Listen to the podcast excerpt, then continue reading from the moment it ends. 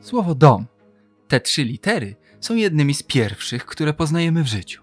To główny bohater naszych dziecięcych rysunków. Dzień dobry. Przy mikrofonie Krzysztof Story, a wysłuchacie podcastu powszechnego. W tych rozmowach moi goście pokazują, że dom to znacznie więcej niż tylko cztery ściany. Zapraszam. Czujcie się jak u siebie w domu.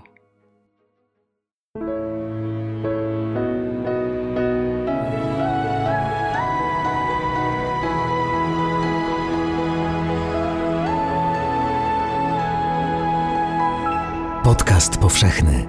Weź, słuchaj. Być może tym odcinkiem rozpoczynamy pewną tradycję, w której cykl Dom podcastu powszechnego co jakiś czas zabiera Was w najbardziej niedostępne rejony Ziemi, czyli do świata polarnego. W szóstym odcinku domu rozmawiałem z Kacprem Wojtysiakiem o życiu na stacji badawczej Hornsund na Spitsbergenie, a dzisiaj moją gościnią jest Dagmara Bożek, polarniczka i autorka książki o takim tytule. Polarniczki zdobywczynie podbiegunowego świata. Cześć Dagmara. Cześć, witam wszystkich serdecznie. Zanim przejdziemy do książki, e, chciałbym porozmawiać o Twojej historii, e, bo Ty masz za sobą dwa zimowania. Jedno na stacji tej północnej arktycznej, e, właśnie w Hornsundzie, a drugie na stacji Arctowskiego na Wyspie Króla Jerzego. No i moje pierwsze pytanie, jak to jest, że humanistka, absolwentka polonistyki i kultury Rosji trafia na polarną stację badawczą i to nie jedną, ale dwie. Jak to zrobić? Myślę, że to jest taka ciekawa historia, która doskonale pokazuje, że w życiu każdego z nas e, czasami trafiają się rzeczy bardzo ciekawe i nieprzewidywalne, i wszystko zależy od nas, czy z tego skorzystamy, czy nie. E, to jest sytuacja taka, że faktycznie to był 2012 rok i mój wtedy były mąż przez zupełny przypadek dowiedział się, że jest możliwość wyjechania na stację polarną, jest ogłoszenie o pracę Instytutu Geofizyki Polskiej Akademii Nauk. E, no i wtedy stwierdził, że jest to tak egzotyczna propozycja, że warto o niej porozmawiać i ją całkiem serio potraktować. I faktycznie bardzo szybko podjęliśmy decyzję, żeby wysłać aplikację y, z rzutem na taśmę praktycznie, bo to była końcówka okresu, kiedy można było jeszcze te aplikacje nadsyłać. I naprawdę po kilku tygodniach odebraliśmy informację, że jesteśmy zaproszeni na rozmowę a później się okazało, że po tej rozmowie przeszliśmy pozytywnie ten etap, po, przeszliśmy pozytywnie potem kolejne etapy związane z przygotowaniami do wyprawy i e, pod koniec czerwca 2012 roku popłynęliśmy na Spitsbergen, więc e, tak to się zaczęło. A potem, jak już wpadliśmy w ten polarny świat, to chcieliśmy tam wrócić i aplikowaliśmy na dużo różnych stacji, i w końcu udało się dostać do stacji Arctowskiego parę lat później kompletując załogę y, każdej wyprawy, czy to arktycznej, czy antarktycznej, bierze się pod uwagę ograniczone zasoby i przestrzeń stacji e, i zabiera się tych ludzi, którzy są absolutnie niezbędni. Wśród tych załóg najczęściej dominują albo naukowcy, którzy prowadzą tam badania, albo technicy. Jaką ty miałaś rolę? Zajmowałam się administracją stacji. E, brzmi to trochę tak biurowo, ale administrator to jest bardziej taki gospodarz stacji, czyli osoba, która zajmuje się magazynami, opiekuje się gośćmi, e, wydaje pościele, prowiant grupom terenowym, czy też pomaga w kuchni. Pracowałam też jako asystent terenowy, miałam uprawnienia sternika motorowodnego i zdarzało się, że pływałam łodzią, e, wożąc sprzęt i ludzi w różne miejsca. I zajmowałam się takimi rzeczami edukacyjnymi, bo na stacji e, Siedleckiego właśnie byłam pracownikiem projektu Edu Arctic, przepraszam, Edu Science, bo tych projektów jest bardzo dużo, ja do tej pory w nich uczestniczę. To było Edu Science, to był pierwszy taki duży projekt ogólnopolski prowadzony przez Instytut Geofizyki i moim celem było pokazanie życia i pracy badawczej polskich naukowców na stacji w Hornsundzie. Także to było dość zróżnicowane e, zajęcie, ale faktycznie, tak jak wcześniej pytałeś mnie o te humanistyczne kwalifikacje, to one się tutaj wbrew pozorom przydały, bo to były takie umiejętności miękkie, nazwijmy to, które y, okazało się, że uzupełniały pewną lukę, bo w większości faktycznie w stacjach polarnych pracują ludzie, którzy mają wykształcenie techniczne albo przyrodnicze. Wspomniałaś o tym, że po pierwszym zimowaniu w Hornsundzie, po pierwszej wyprawie, wsiąkłaś w ten świat polarny, zapragnęłaś tam y, wrócić, co ci się udało. Drugi pobyt na stacji Arctowskiego, 2015-16 rok. Porównaj te dwie bazy, bo one poza tym, że obdarzamy je takim bardzo podobnym sformułowaniem Polska Stacja Polarna, to bardzo się różnią pod kątem choćby dostępności. No jednak Hornsund, y, śmigłowiec w Hornsundzie może być w ile? Trzy godziny z Longyearbyen y, na Spitsbergenie? Nawet krócej przy dobrej pogodzie, do, do godziny. No właśnie. Arctowski, y, który jest na wyspie Świętego Jerzego na Szetlandach Południowych, jednak to jest dużo bardziej odcięte od świata miejsce porównaj jakoś, jak ty odebrałaś te miejsca, które było dla ciebie trudniejsze, które ci dostarczyło mm, większych wrażeń, do którego częściej wracasz pamięcią. No myślę, że na pewno Spitsbergen to jest to miejsce, do którego najczęściej wracam, ponieważ to była pierwsza wyprawa i taka pełna jeszcze tego romantyzmu polarnego. Kiedy płynęłam na Arctowskiego, już wiedziałam mniej więcej czego się spodziewać, jakie są wyzwania związane z całorocznym pobytem w zamkniętym, izolowanym środowisku. E, stacja Arctowskiego i stacja w Hornsundzie na pewno różnią się programami badawczymi, e, jakie tam są prowadzone, bo oprócz tego, że przyjeżdżają tam naukowcy z Polski, z zagranicy, realizują swoje projekty, to stacja każda ma swój indywidualny program i w przypadku Hornsundu to jest meteorologia, mm, badanie jonosfery, elektryczności atmosfery, czyli takie badania typowo geofizyczne. E, są to również badania glacjologiczne.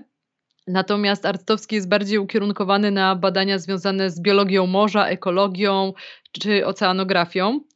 E, oprócz tego faktycznie logistyka, o której wspomniałeś, e, Horyzont 2, czyli statek, który aktualnie obsługuje polarników i Instytut Geofizyki, który organizuje wyprawy, dociera około tygodnia na stację mm, w Hornsundzie, natomiast w przypadku stacji Arstowskiego to jest różnie, bo z jednej strony są statki, które tam pływają i wtedy taka podróż zajmuje ponad, ponad, ponad miesiąc, ja tak płynęłam, albo jest to samolot. Y, oczywiście kilka jest wtedy etapów takiej podróży, to też trochę trwa. E, no i trzecia rzecz to na pewno uwarunkowania takie krajobrazowo-geograficzne, bo z jednej strony obie stacje są położone nad wodą. W przypadku Hornsundu to jest fiord Hornsund, w przypadku Arctowskiego to jest Zatoka Admiralicji i są góry dookoła, więc krajobraz jest bardzo zróżnicowany.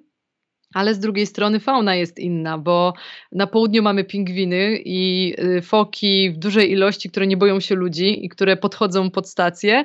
Natomiast w przypadku Arktyki, no to niestety pingwinów już nie ma, za to jest bardzo dużo gatunków ptaków, które gniazdują nawet niedaleko stacji. E, foki, Foki ciężko spotkać, bo foki się boją niedźwiedzi polarnych, e, no i właśnie przede wszystkim niedźwiedzie polarne, które również lubią zaglądać w okolice stacji. I też nie boją się ludzi, to raczej w drugą stronę. Tak, po, podkreślmy to jeszcze raz. W Arktyce nie żyją pingwiny, a w Antarktyce nie żyją niedźwiedzie polarne. To jest ważne spostrzeżenie dotyczące e, polarnego świata. E, jeśli chodzi o komfort e, życia w samej bazie, no w poprzednim tym odcinku, który już wspominałem z Kacprem, opowiedzieliśmy sobie troszkę o Hornsundzie. E, mam wrażenie, że słysząc takie poważne określenia jak stacja badawcza, człowiek wyobraża sobie niemalże statek kosmiczny czasami. Tymczasem no, te stacje nie opływają w jakieś luksusy. Na Arctowskim jest podobnie do, do tej stacji na Spitsbergenie? E, tak, właściwie tak. Pod względem takim mieszkalnym, to można powiedzieć, że to jest takie dobrze wyposażone schronisko, więc faktycznie niczego tam nie brakuje. Natomiast główna różnica jest taka, że w Hornsundzie wszystko mieści się właściwie w głównym budynku, czyli pokoje jednoosobowe, pokoje wieloosobowe, laboratoria, taka część administracyjna, gospodarcza. Natomiast stacja Arctowskiego bardziej przypomina takie małe miasteczko, bo tych zabudowań jest kilkanaście. Jest y, tak zwany samolot, czyli budynek główny, gdzie są tylko pokoje jednoosobowe, jest mesa i kuchnia. Są kontenery osobne z y, żywnością, są y, dwie duże hale magazynowe, jest agregatornia, także wygląda to nieco inaczej. I też warto wspomnieć, bo tutaj też skoro pytasz o te warunki mieszkalne, to na Arctowskim one diametralnie się poprawią za mam nadzieję parę lat, ponieważ aktualnie jest budowany nowy budynek główny stacji i ten projekt można zobaczyć w internecie i faktycznie to już przypomina statek kosmiczny. Tak, widziałem te, te wizualizacje. E, bardzo to jest e, imponujące i pewnie będzie dużo wygodniejsze niż, e, niż ten poprzedni samolot. Ten świat polarny jednak tworzą, tworzy społeczność naukowców, techników, lekarzy, podróżników często. Bardzo to są różne osobowości. Ty jako temat książki wybrałaś polarniczki, czyli kobiety, które e, zimowały, były, prowadziły badania na stacjach e, polarnych. Powiedz dlaczego? Czy to, jest, czy to wynika z jakichś Twoich doświadczeń? Czy dla Ciebie jako kobiety ta droga i pobyt na tej stacji był trudniejszy niż dla kolegów? E, czy był trudniejszy, to nie wiem. Na pewno odczuwałam to, że jestem słab, słabsza fizycznie, kiedy trzeba było, nie wiem, odpalić silnik e, w skuterze śnieżnym albo e, silnik zaburtowy w łodzi, to czasami tej siły mi brakowało i się bardziej denerwowałam sama na siebie, dlaczego, dlaczego to tak wygląda. Nie miałam nigdy jakichś nieprzyjemnych sytuacji, bardziej pozytywne, że doświadczyłam tego, że ludzie pracujący w stacjach polarnych sobie pomagają. Natomiast dlaczego akurat taki temat? Dlatego, dlatego, że w sumie od paru lat y, mocno siedzę w historii polskich badań polarnych. Dwie moje poprzednie książki były związane z y, tym tematem i po prostu któregoś dnia koleżanka, z którą zimowałam, Joanna Plenzler, na wyprawie na stacji Arctowskiego, na 40. wyprawie, po prostu zadała mi pytanie, bo przygotowywała prezentację do szkoły y, o życiu na stacji, ile kobiet zimowało, bo chciała taką ciekawostkę przedstawić, bo o to się pytają dziewczynki, czy dziewczyny, czy kobiety, bo to jest takie mimo wszystko jeszcze trudne do wyobrażenia, że kobiety jeżdżą na stacje polarne i często pojawiają się takie pytania. Ja wtedy zgłupiałam, mówię, wiesz, te dane są gdzieś dostępne, ale nie jestem w stanie ci odpowiedzieć i zaczęłam szukać i zorientowałam się, że to jest temat, który warto poruszyć i pociągnąć dalej, bo z jednej strony się mówi, że kobiet jest mało, czy było mało w regionach polarnych, ale nie było takich opracowań, które by to jednoznacznie określały, więc stwierdziłam, że trzeba coś z tym zrobić. Zaczęłam grzebać, y, spotkałam w temacie, spotkałam bardzo dużo i poznałam bardzo dużo ciekawych osobowości i stwierdziłam, że warto temu poświęcić y, książkę. I tak to się właściwie zaczęło.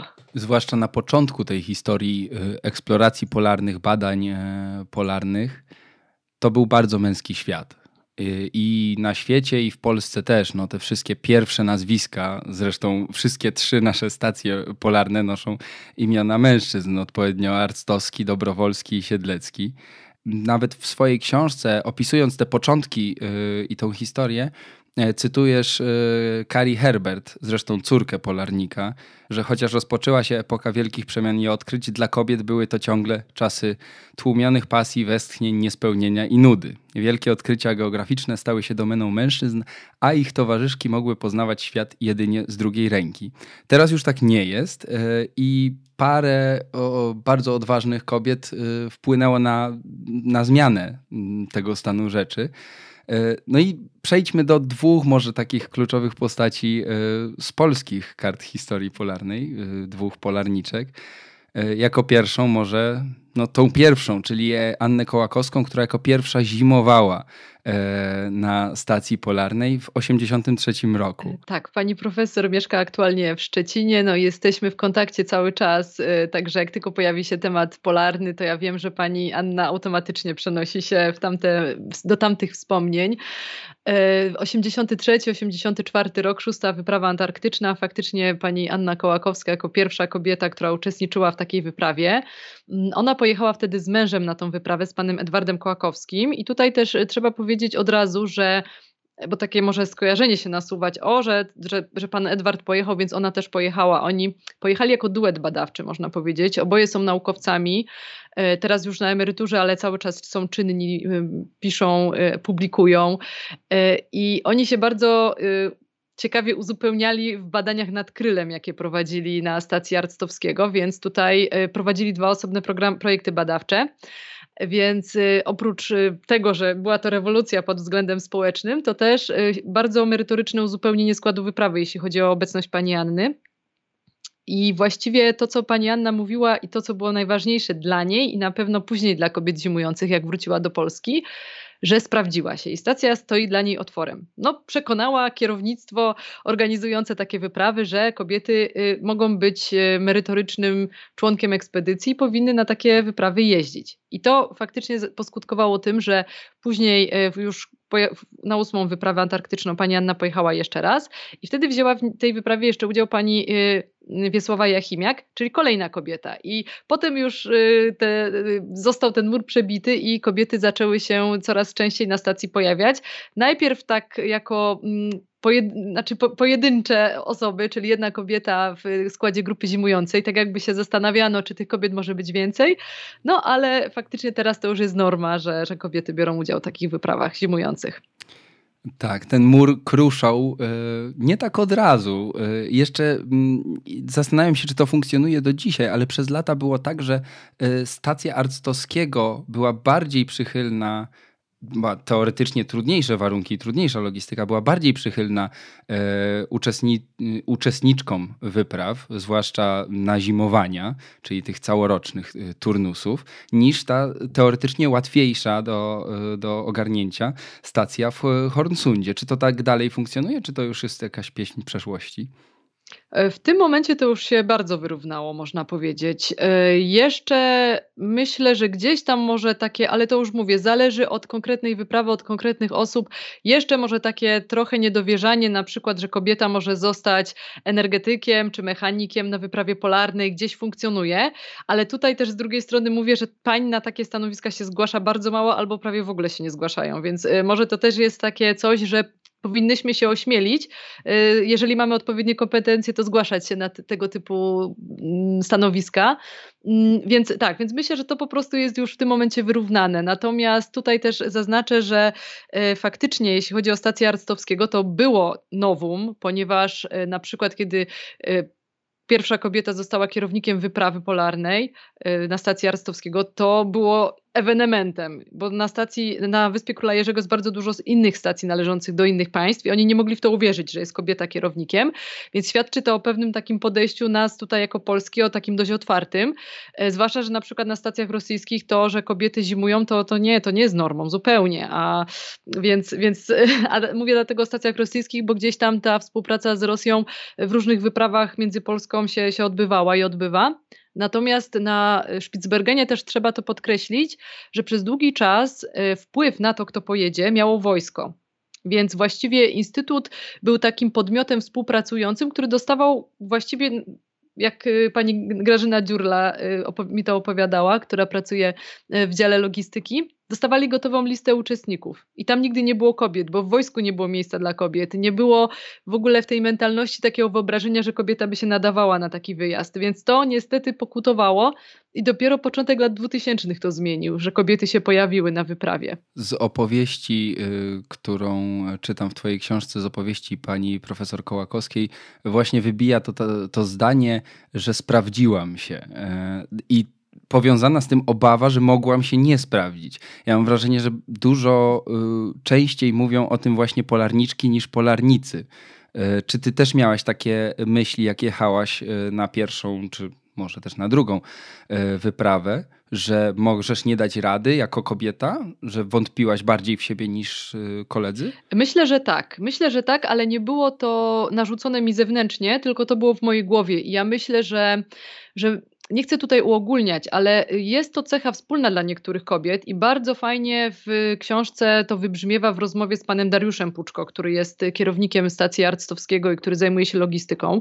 Powiedział, że to, że kobiety zaczęły jeździć więcej na zimowania i zaczęły pełnić funkcje kierownicze, wynikało też z tego, że one same, my same musiałyśmy sobie coś w głowie zmienić, że my możemy na takie stanowiska aplikować i my możemy takie, takiego wyzwania się podejmować. I, do, i to tak naprawdę, bo ta, ta zmiana za, zachodzi w głowie, powoduje, że, że człowiek zaczyna, przestaje się obawiać. I ja faktycznie przypominając sobie siebie z tamtych lat, miałam takie sytuacje, że sobie mówiłam, że nie dam rady albo że jestem gorsza, ale ja wiem, że to było we mnie.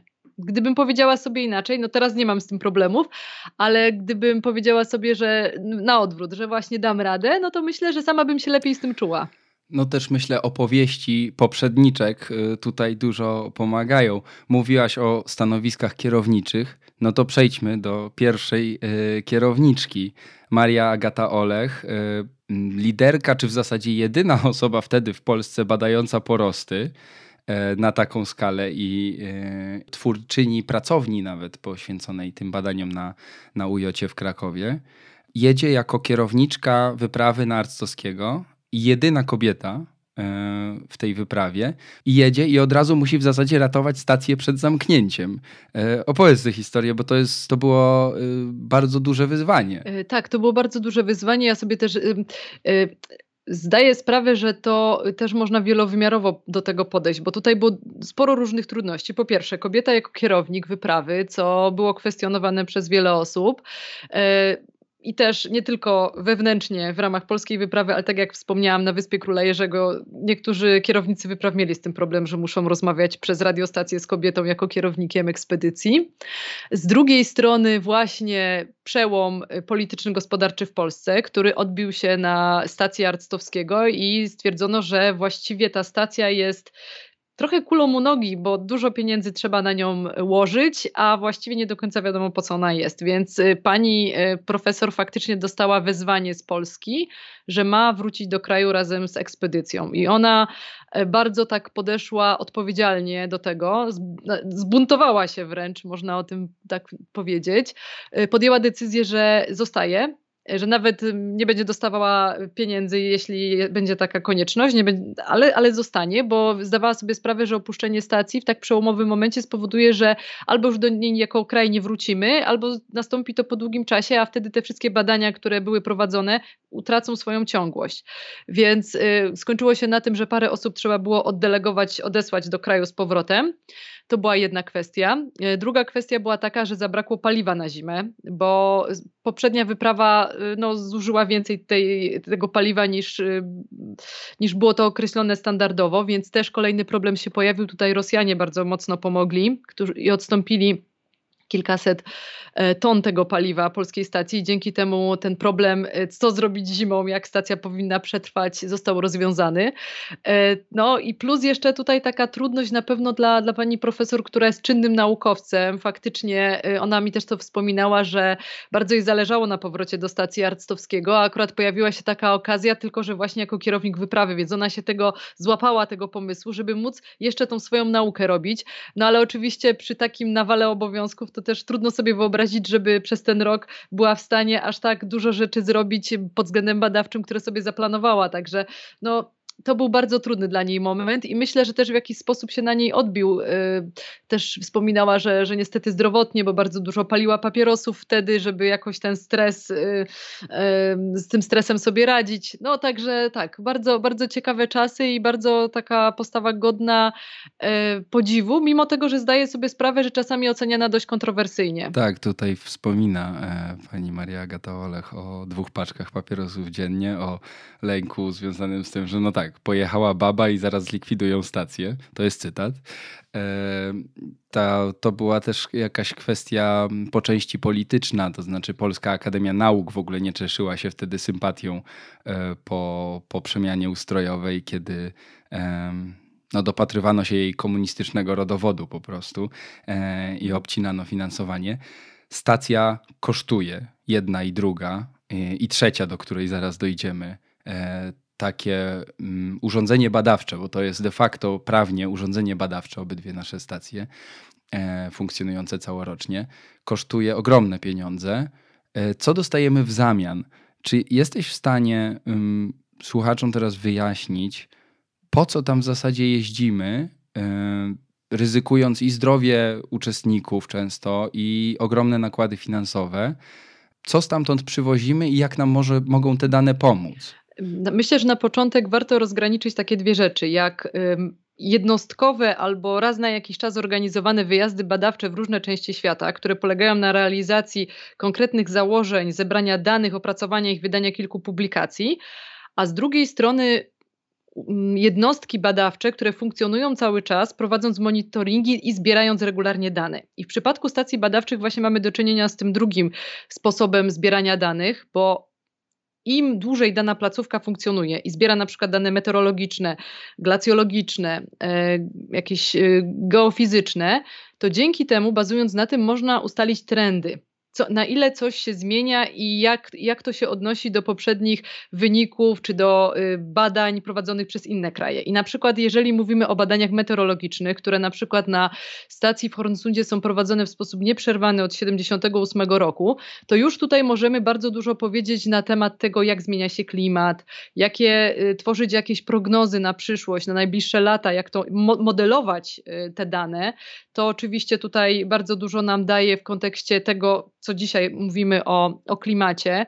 Polscy naukowcy pracujący na przykład na Spitsbergenie przez to, że zajmują się też badaniami glacjologicznymi, tutaj mają bardzo duży wkład e, w to, to wkład w te badania dotyczące klimatu. Na przykład warto tutaj wspomnieć o takim e, odkryciu polskich naukowców e, w oparciu o stację w Hornsundzie, że stwierdzono, że te zmiany na przykład klimatyczne wpływające na południową część Spitsbergenu są y, no, takie, że te lodowce w okolicy fiordu Hornstund znikają. I na przykład to, co dawniej myślano, że jest lądem pokrytym lodowcem, nagle się okazało, że to jest, są wyspy połączone mostami lodowymi. I są też y, jakieś prognozy, kiedy te mosty lodowe mogą się rozpuścić i w jaki sposób to na przykład wpłynie dla, na, y, na cyrkulację wód, które nagle zaczną się zupełnie inaczej przemieszczać i jak to wpłynie w ogóle na cały lokalny ekosystem. Czy na przykład takie badania jak y, kiedy, kiedyś były prowadzone na szerszą skalę na, na stacji Arctowskiego, dotyczące tak zwanych gatunków krylozależnych, czyli ym, na przykład jest to krabojad, są to pingwiny, zwierzęta, które żywią się krylem. I polscy naukowcy właśnie szacują i w sumie do tej pory szacowali i szacują, cały czas się tym zajmują, e, na przykład ilość ym, osobników w takich koloniach pingwinów na przykład, czy fok, y, które występują w okolicy stacji Arctowskiego i to też się przelicza na przykład, ile te zwierzęta mogą zjadać e, kryla czy innych organizmów morskich, i to dzięki temu wpływa na przykład na możliwość szacowania tak zwanych kwot połowowych, czyli ile ludzie państwa poławiające w Antarktyce mogą faktycznie łowić e, na cele gospodarcze, e, ale w taki sposób, żeby to było zrównoważone rybołówstwo, żeby nie wpłynąć na naruszenie lokalnego ekosystemu. Więc z jednej strony są to badania, które pozwalają nam lepiej zrozumieć świat, ubogacają naszą wiedzę dotyczącą bioróżnorodności, ale z drugiej faktycznie mają y, przełożenie na to, co się dzieje i jak rozumieć te zmiany. Czy tutaj też, o właśnie, może od razu powiem, tak, e, na stronie e, naszego projektu eduarctic.pl ukazał się bardzo ciekawy artykuł popularno-naukowy, chociażby o badaniach polskich mikrobiologów w regionach arktycz- y, polarnych. I tam z kolei można przeczytać, y, w jaki sposób bakterie mm, występujące w regionach polarnych mogą mieć przełożenie na przykład na różnego rodzaju rozwiązania technologiczne na przykład y, szybszą de degradację plastiku jako odpadu, z czym jak wiemy na przykład mamy bardzo duży problem. Jesteśmy w stanie ten artykuł potem podlinkować na naszej stronie pod, y, pod podcastem? Tak, Dobrze. jak najbardziej. To szukajcie, szukajcie go tam, na pewno y, ciekawa lektura. O Krylu też fantastycznie w Tygodniku Powszechnym pisał Mikołaj Golachowski. E, też może podrzucę e, link w opisie e, na stronie Tygodnika.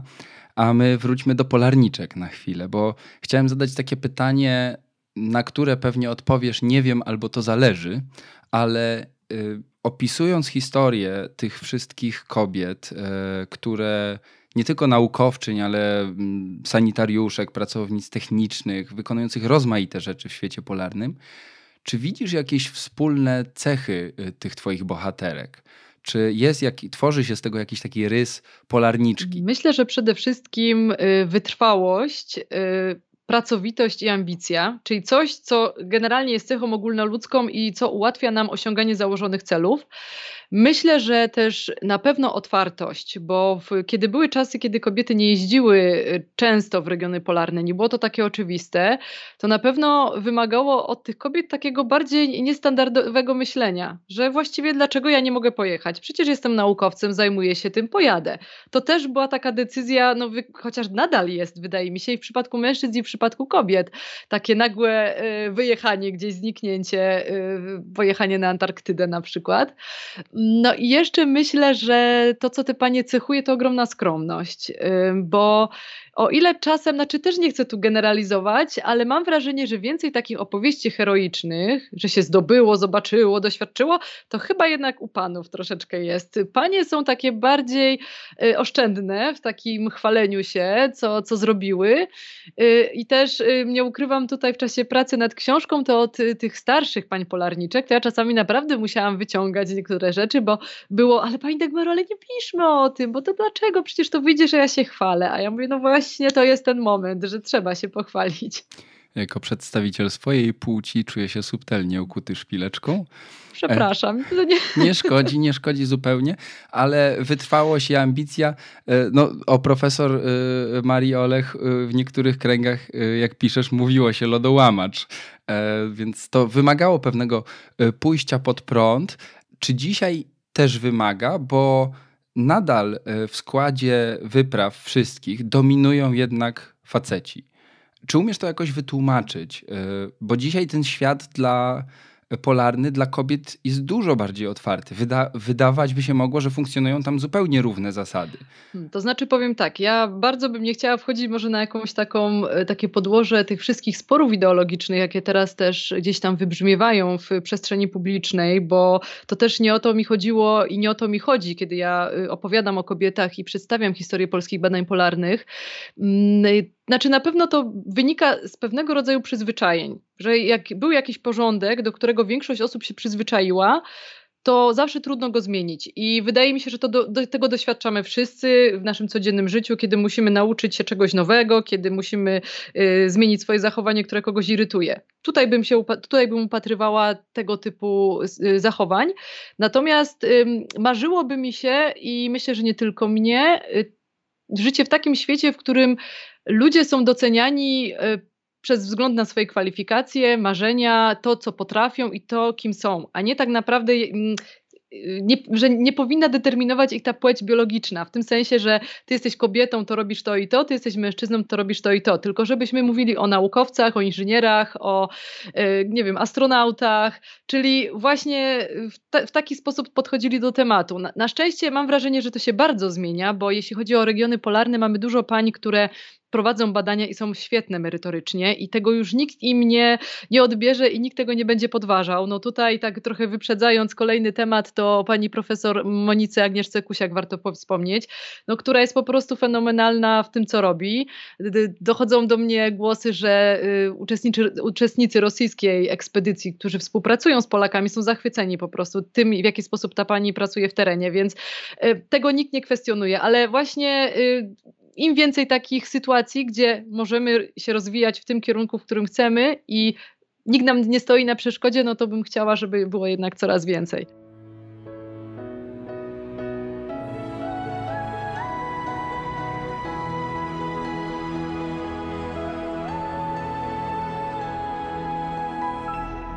Dziękujemy patronkom i patronom za wsparcie. Dołącz do grona dobroczyńców podcastu Tygodnika Powszechnego w serwisie Patronite. Ciekawi mnie jeszcze taka kwestia trochę bardziej z Twojej takiej humanistycznej perspektywy, może. E, jak oceniasz łatwość funkcjonowania takiej grupy na stacji, bo poza tym, że tam jest praca do wykonania i są badania do przeprowadzenia i są granty do zrealizowania, to jest też grupa ludzi zamkniętych na rok w dość trudnych warunkach z ograniczoną możliwością kontaktu ze światem, ucieczki, znalezienia sobie własnej przestrzeni. E, czy obecność dwóch płci e, w tym samym ciasnym jednak środowisku komplikuje sprawy, czy raczej ułatwia? Są też, y, wiem, że zaczynają być publikowane badania w ogóle na ten temat, od kiedy kobiety zaczęły intensywnie jeździć w regiony polarne. Temat jest już y, lepiej, y, lepiej przebadany. Ciekawi mnie Twoja perspektywa. Ja uważam, że im większa różnorodność i też możliwość uczestnictwa w projektach ze strony jednej i drugiej płci, tylko je ubogaca. To tak jakbyśmy na przykład teraz mając nasze, no nie wiem, z jednej strony społeczeństwo, poza tym każdy z nas nas funkcjonuje w jakimś środowisku zawodowym i nagle z tego środowiska zawodowego znika jedna albo druga płeć. I zostają albo mężczyźni, albo kobiety. No i pytanie, jak byśmy w tym wszystkim funkcjonowali? No na pewno nagle by się okazało, że brakuje y, kogoś, czegoś, jakichś y, umiejętności, jakichś zachowań, jakichś sytuacji i myślę, że tam jest dokładnie to samo. Tam po prostu wcześniej no tego nie znano, ponieważ jeździli sami mężczyźni i wszyscy się do tego przyzwyczaili, że to tak wygląda. Natomiast teraz myślę, że wielu os wiele osób już by nie chciało, żeby znów tylko mężczyźni jeździli na same stac na, na stacje albo same kobiety jeździły na stacje.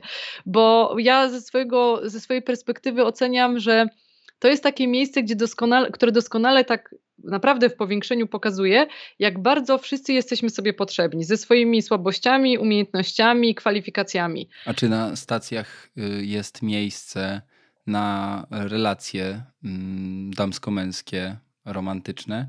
Wiem, że zdarza się, że jest, bo nawet w książce opisujesz przypadek y, dziecka spłodzonego na stacji Arctowskiego, e, które zresztą dostało na imię Jerzy e, pod wyspie Króla Jerzego, e, co nie było jakąś wielką komplikacją finalnie y, dla wyprawy.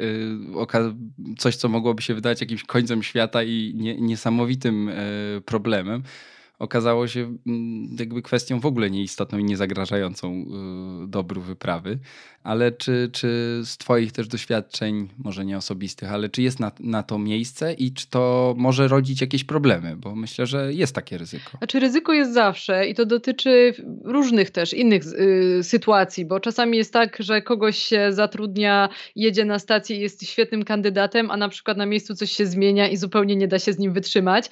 Y, więc to, jest, to ryzyko jest generalnie wszędzie. Natomiast y, samo zachowanie, to, że ludzie się spotykają i nawiązują się między nimi relacje jest całkiem naturalne, no bo tutaj też tego doświadczamy.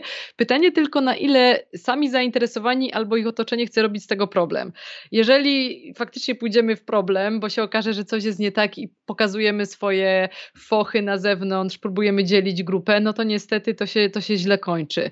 E, więc e, Czasami no, są wyprawy, gdzie taka sytuacja, że była para, e, wpłynęła negatywnie, a są takie wyprawy, gdzie to zadziałało pozytywnie, więc tutaj na pewno jednoznacznie nie można ani gloryfikować, ani potępiać. Bardziej na zasadzie właśnie pytanie, na, jeżeli chcemy zrobić z czegoś problem, to to zrobimy. No. A jak nie, to znajdziemy coś innego, z czego problem można zrobić. Właśnie. E, no też e, te załogi nie są dobierane przypadkowo, spędzają ze sobą wcześniej więcej czasu wyprawa, o której właśnie zaraz będziemy mówić, spędziła chyba dwa tygodniowe takie turnusy w, w odosobnieniu e, w, we własnym gronie, chyba w Campinosie e, pod Warszawą, z tego co pamiętam. No właśnie, przejdźmy do tej nowej wyprawy, bo e, dużo się w świecie polarnym, takim polskim wątku ostatnio dzieje, bo poza tymi miejscami, które zazwyczaj wyobrażamy sobie, jak mówimy Polska Stacja Polarna, czyli e, stacją Arcowskiego i stacją Siedleckiego. Są jeszcze dwa zapomniane domki w oazie Bangera na kontynentalnej Antarktydzie. E, widać je z e, satelity.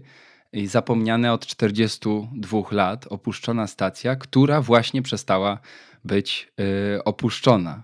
Jak do tego doszło? E, to jest projekt, którego pomysłodawcą jest profesor Marek Lewandowski, kierownik Zakładu Badań Polarnych i Morskich Instytutu Geofizyki, którego jestem też e, pracownikiem. E, I to właściwie trwało 5 lat, równe 5 lat, tak jak profesor to wyliczył, w momencie, kiedy faktycznie w listopadzie wyprawa opuszczała port w Bremerhaven na statku Akademik Fiodorow, płynąc do oazy Bangera. Pomysł wziął się stąd, że po pierwsze stacja należy do, formalnie do Polski, była y, uśpiona, nieużytkowana przez bardzo długi czas i pojawiały się głosy, że w związku z traktatem, postanowieniami traktatu antarktycznego może pojawić się sytuacja, w której ktoś stwierdzi, że no jednak warto to albo coś wykorzystać, albo usunąć, zutylizować, no bo jest to nieużytkowane. No więc, żeby wyprzedzić taką sytuację, stwierdzono, że w takim razie pojedźmy i zobaczmy, co się tam dzieje, czy w ogóle jesteśmy w jakiś sposób tą stację naukowo wykorzystywać. I faktycznie w 2018 roku udało się uzyskać dofinansowanie Ministerstwa Nauki i Szkolnictwa Wyższego, obecnie Ministerstwo Nauki i Edukacji. I y, to było takie, jest takie właściwie jednorazowe dofinansowanie na mm, tak zwany projekt SPUB Dobrowolski, to się tak nazywa.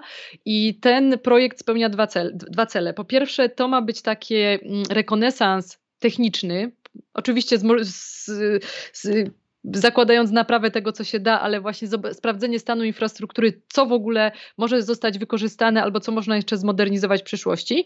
A po drugie, taki rekonesans badawczy, czyli jaki jest potencjał badawczy tego miejsca pod kątem polskich badań. Więc ta wyprawa, jak wróci do Polski, no da nam odpowiedź, czy faktycznie jest możliwość też dalszego finansowania tego projektu i zorganizowania tej stacji pod, jako stacji sezonowej, która będzie takim autonomicznym, geofizycznym obiektem, jednostką, która będzie prowadziła część badań też w sposób y, taki autonomiczny, automatyczny. Więc y, no takie są założenia.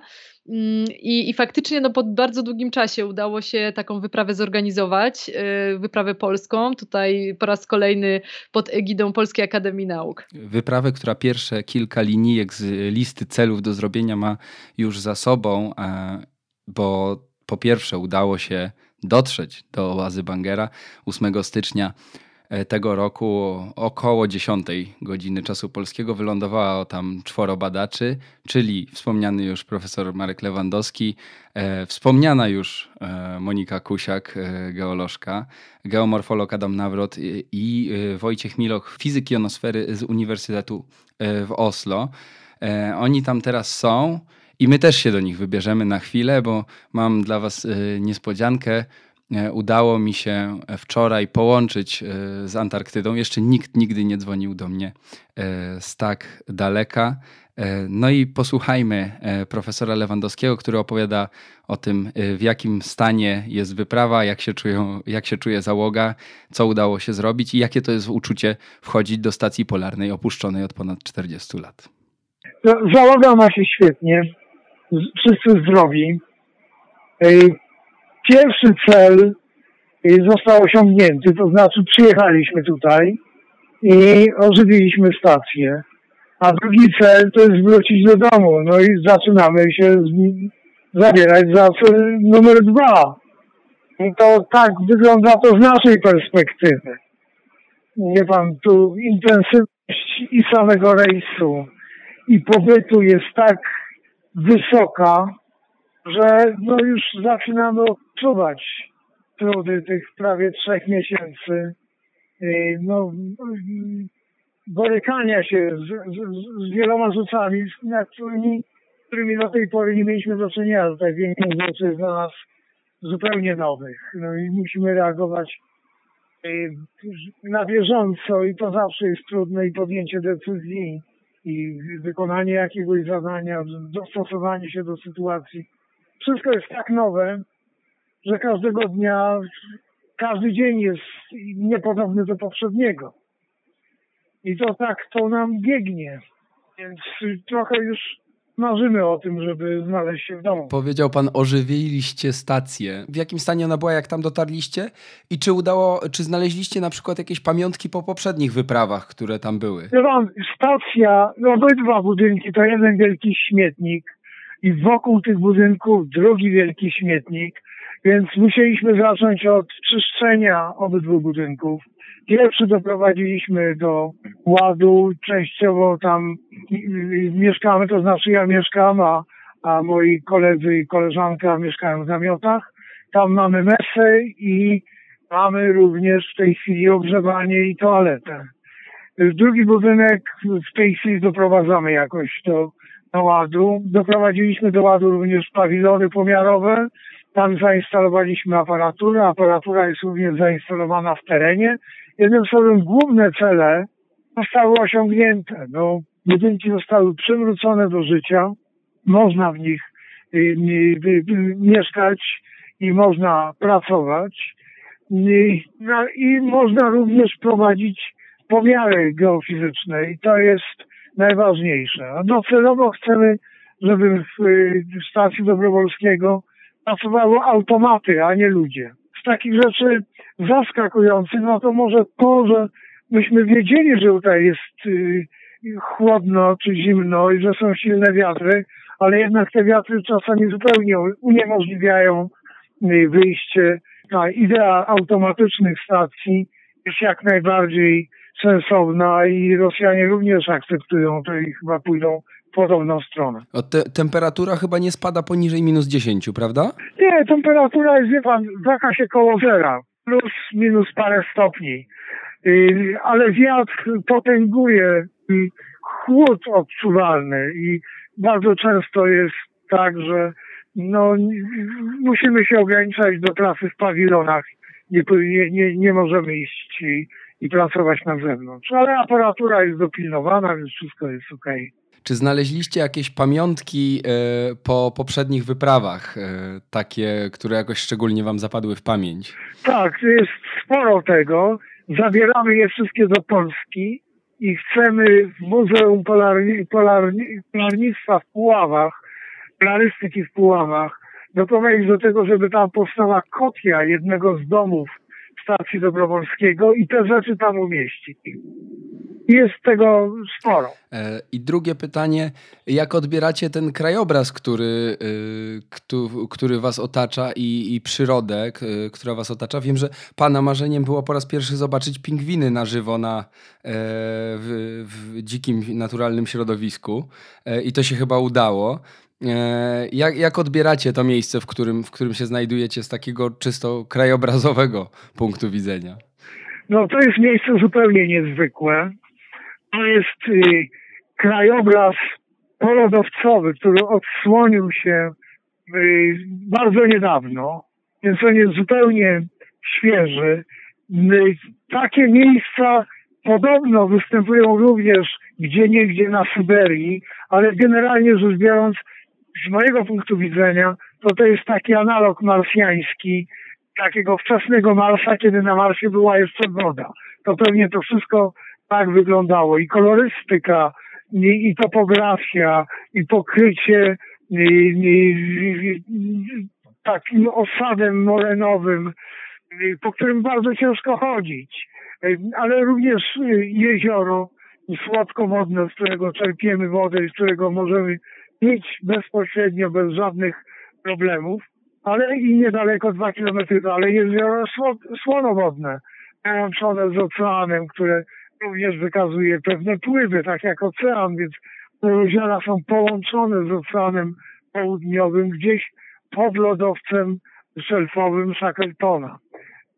Generalnie rzecz biorąc, krajobraz jest niezwykły. To jest chyba najlepsze określenie, jakie można tutaj użyć. A zapytam o przyrodę taką ożywioną. Co z roślin, zwierząt y, was otacza? Nie, tutaj nie ma żadnych zwierząt. To jest pustynia to czasami przyleci ptak. Y, raz były cztery pingwiny i sobie poszły. Generalnie rzecz biorąc, tu nie żyje nic. Żadne drobne ustroje, może trochę jakichś porostów gdzie, gdzie niegdzie. Generalnie rzecz biorąc, tu jest kamień na kamieniu. Faktycznie już powoli zaczynacie pakować e, sprzęt, przymierzać się do powrotu. Czy już teraz zostanie na stacji jakaś aparatura, która będzie tam pracować, yy, kiedy wy stamtąd wyjedziecie? Nie, jeszcze nie. Natomiast zostaną rzeczy, które umożliwią następnym y, wyprawom normalne funkcjonowanie. Natomiast umówiliśmy się, że aparaturę zabieramy, przeprowadzimy testowe pomiary, aparatura wróci, i wszystkie wyniki stanu aparatury zostanie oceniona przez kolegów, którzy się nią zajmują na co dzień. Natomiast zostawiamy wszystkie rzeczy y, w takim stanie, żeby kolejna wyprawa miała już zapewniony, spokojny byt tutaj. I miała ciepło, i miała wodę, i miała toaletę. Stacja zrobiła się e, dzięki Wam dużo e, bardziej gościnna. Pewnie już tęsknicie za y, drobnym urozmaiceniem. Kiedy wyruszacie w rejs powrotny? Powinniśmy ruszać między 11 a 15 lutego. To oczywiście zależy od pogody. Pozostaje mi chyba życzyć Wam bezpiecznego powrotu. Wracajcie bezpiecznie i proszę pozdrowić resztę załogi. Bardzo dziękuję i w takim razie do kontaktu już w Polsce. To było szybkie łączenie antarktyczne z profesorem Markiem Lewandowskim z Instytutu Geofizyki Polskiej Akademii Nauk, a my wracamy do rozmowy z Dagmarą Bożek, też polarniczką. Y, I y, ty brałaś udział przecież w, w, dołożyłaś swoją cegiełkę do sukcesu, a przynajmniej na razie wygląda to na duży sukces e, tej wyprawy. E, bo byłaś w tak zwanym dobrowolski task force, czyli grupie osób, która tutaj z, z poziomu Polski wspiera i, i, bierze udział w organizowaniu tej wyprawy, a zadanie jest niebagatelne. Wspo, wspomniałaś o pięciu latach pracy.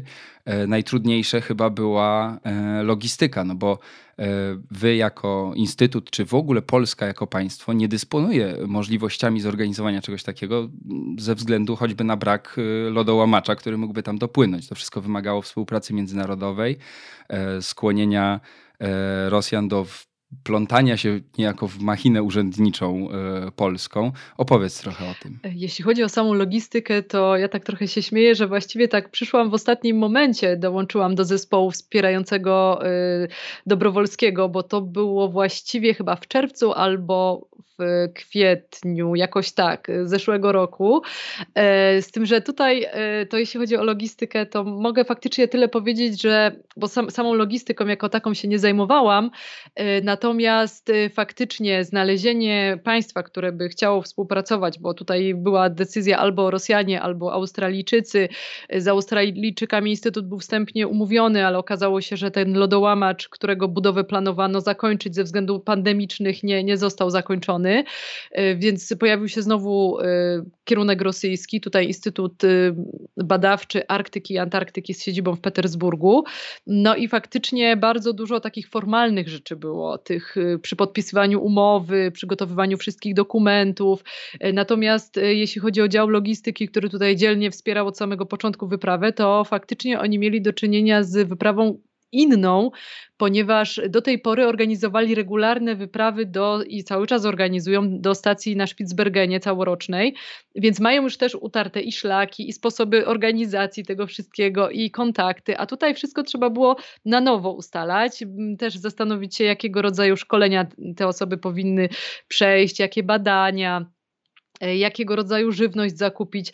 Też wszystko było wiezione kontenerem, więc ile ten kontener powinien ważyć, także, także tego, tego było dość dużo.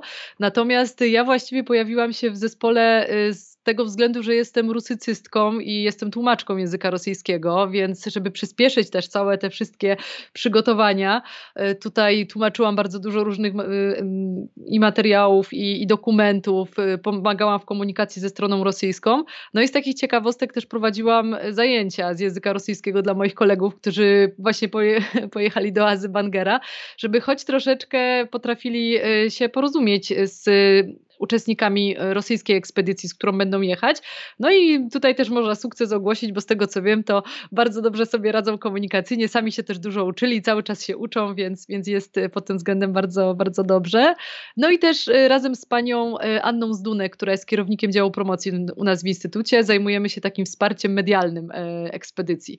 Także to jest tutaj mój wkład w to przygotowanie, ta moja malutka cegiełka w to, że właśnie ta wyprawa też tam się znalazła. Tak, profesor profesor Lewandowski w rozmowie ze mną też wspominał o bardzo dobrej e, współpracy z Rosjanami, którzy mm, są po sąsiedzku w stacji Oasis 2, kilkaset metrów dalej. E, I naprawdę e, duża, duża część komfortu i bezpieczeństwa tej naszej załogi bierze się z, z ich pomocy, choćby z tego, że mm, użyczyli E, nam sprzętu do tego, żeby napompować zbiorniki wody w stacji. E, więcej o tej wyprawie e, na stację Dobrowolskiego i o ożywianiu tej naszej trzeciej stacji polarnej możecie przeczytać w nowym numerze tygodnika, bo równolegle do naszego podcastu ukaże się za chwilkę tekst w kioskach od 2 lutego. No a my wróćmy na chwilę do polarniczek, a raczej do polarniczki ciebie. To mam, wiesz co, takie pytania, y, dwa trochę sentymentalne na koniec. E, zacznijmy od pierwszego. Czy ty byś jeszcze wróciła na którąś ze stacji? I na którą, jeśli miałabyś wybierać? To jest y, trudne pytanie. No myślę, że chyba jednak do stacji na Spitsbergenie bym chciała wrócić. Po prostu zobaczyć ją, jak, jak ona teraz wygląda, bo dużo się też zmieniło. Wiem, że dużo się też zmieniło w takiej obyczajowości, y, mentalności osób, które jeżdżą, bo jeżdżą coraz młodsze osoby. Ja pamiętam trochę inne czasy. Co masz na myśli e, mówiąc obyczajowość? E, znaczy obyczajowość. E, to tak mówię ogólnie, może styl życia, to może byłoby bardziej adekwatne słowo, bo na przykład to, w jaki sposób już ta technologia wchodzi w życie i to, że na przykład my praktycznie by, byliśmy offline przez jakiś tam czas. No oczywiście korzystaliśmy z poczty, ale raczej wieczorami czy rano człowiek wychodził w teren i zupełnie sobie nie zaprzątał głowy tym, co się dzieje na świecie. Teraz wiem, że już każdy chodzi ze smartfonem w stacji, kontaktuje się za pośrednictwem komunikatorów.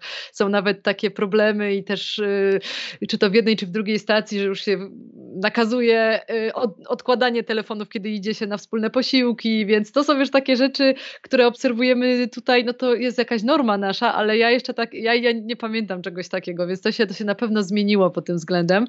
Mm, więc, więc tak, chciałabym na pewno wrócić, ale myślę, że już ze względu na kwestie takie prywatne, też może już życia zawodowego, już takiej długiej przerwy bym chyba nie chciała sobie robić, bo to jest jednak tak, że człowiek znika z wielu różnych y, sytuacji i środowisk i go nie ma przez ten rok, więc myślę, że bardziej to, to tak, y, taka podróż sentymentalna na chwilę obecną, czyli taka, taki powrót na chwilę, może w, związku z jakimś konkretnym projektem, e, ale cały czas mam kontakt y, z tymi regionami polarnymi, mam kontakt z ludźmi, więc mimo tego, że tam fizycznie nie jestem, mam wrażenie, jakbym tam cały czas była. I drugie, jeszcze bardziej sentymentalne pytanie na koniec. Czy przychodzi ci do głowy jakieś takie konkretne wspomnienie z któregoś z tych zimowań, do którego najczęściej wracasz pamięcią? Jakaś taka albo najpiękniejsza, albo, e, albo jakaś ważna chwila z tych, e, z tych dwóch lat poświęconych e, polarnej części świata? Myślę, że bardzo dużo takich było, ale akurat ponieważ zadałeś mi pytanie takie bardziej sentymentalne wcześniej, to ja chyba powiem o takim dość sentymentalnym teraz y, wspomnieniu, które mi do głowy przyszło.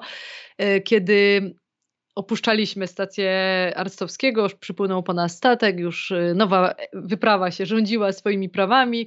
E, i pamiętam, że wyszłam sobie nad morze, nad Zatokę Admiralicji, siedziałam pod na, przy skale kormoranów tam jest y, kapliczka, akurat takie bardzo fajne miejsce i jest latarnia morska. I tam siedziałam dwie godziny, patrzyłam właśnie tą Zatokę Admiralicji. Przez te dwie godziny chyba tam faktycznie siedziałam i płakałam i towarzyszyło mi takie uczucie, że z jednej strony ogromnej wdzięczności, że byłam w takim miejscu, które y, no, jest nieporównywalne do, do żadnego innego, a z drugiej strony miałam w sobie taką, taki ogromny żal, bo naprawdę pierwszy raz do mnie doszło, że to jest miejsce, w którym nigdy już mogę się nie pojawić. Y, to było takie nowe uczucie, bo czasami tak jest, że nam się gdzieś podoba, jest, jest to co prawda odległe miejsce, ale sobie mówimy wrócę tutaj. No bo dlaczego mogę, mam nie wrócić? Kupię bilet na samolot, zorganizuję, wezmę urlop. Y, w przypadku tego typu miejsc no takiej pewności nie ma. Trzeba korzystać póki można wszystkich, którzy czują się na siłach, zachęcamy do aplikowania. E, co roku pojawiają się e, oferty e, i zapotrzebowania na kolejne załogi. Chętnych wcale nie jest aż tak dużo na wyrwanie roku z życia, a mm, widać, że może być to piękna przygoda. O tym i o innych aspektach polarnego mroźnego świata opowiadała nam dzisiaj Dagmara Boszek, polarniczka i autorka książki o polskich e, kobietach w rejonach podbiegunowych. Dziękuję Ci bardzo za rozmowę. Bardzo dziękuję za rozmowę również. I to wszystko już w tym odcinku podcastu powszechnego. Dzięki Wam bardzo za to spotkanie. Czekajcie na następne i do usłyszenia. Współwydawcą podcastu powszechnego jest Fundacja Tygodnika Powszechnego. Jeśli słuchają nas Państwo w Spotify albo w Apple Podcast, zasubskrybujcie nasz kanał. Jesteśmy też w Google Podcast i w aplikacji Lekton oraz na www.tygodnikpowszechny.pl/podcast.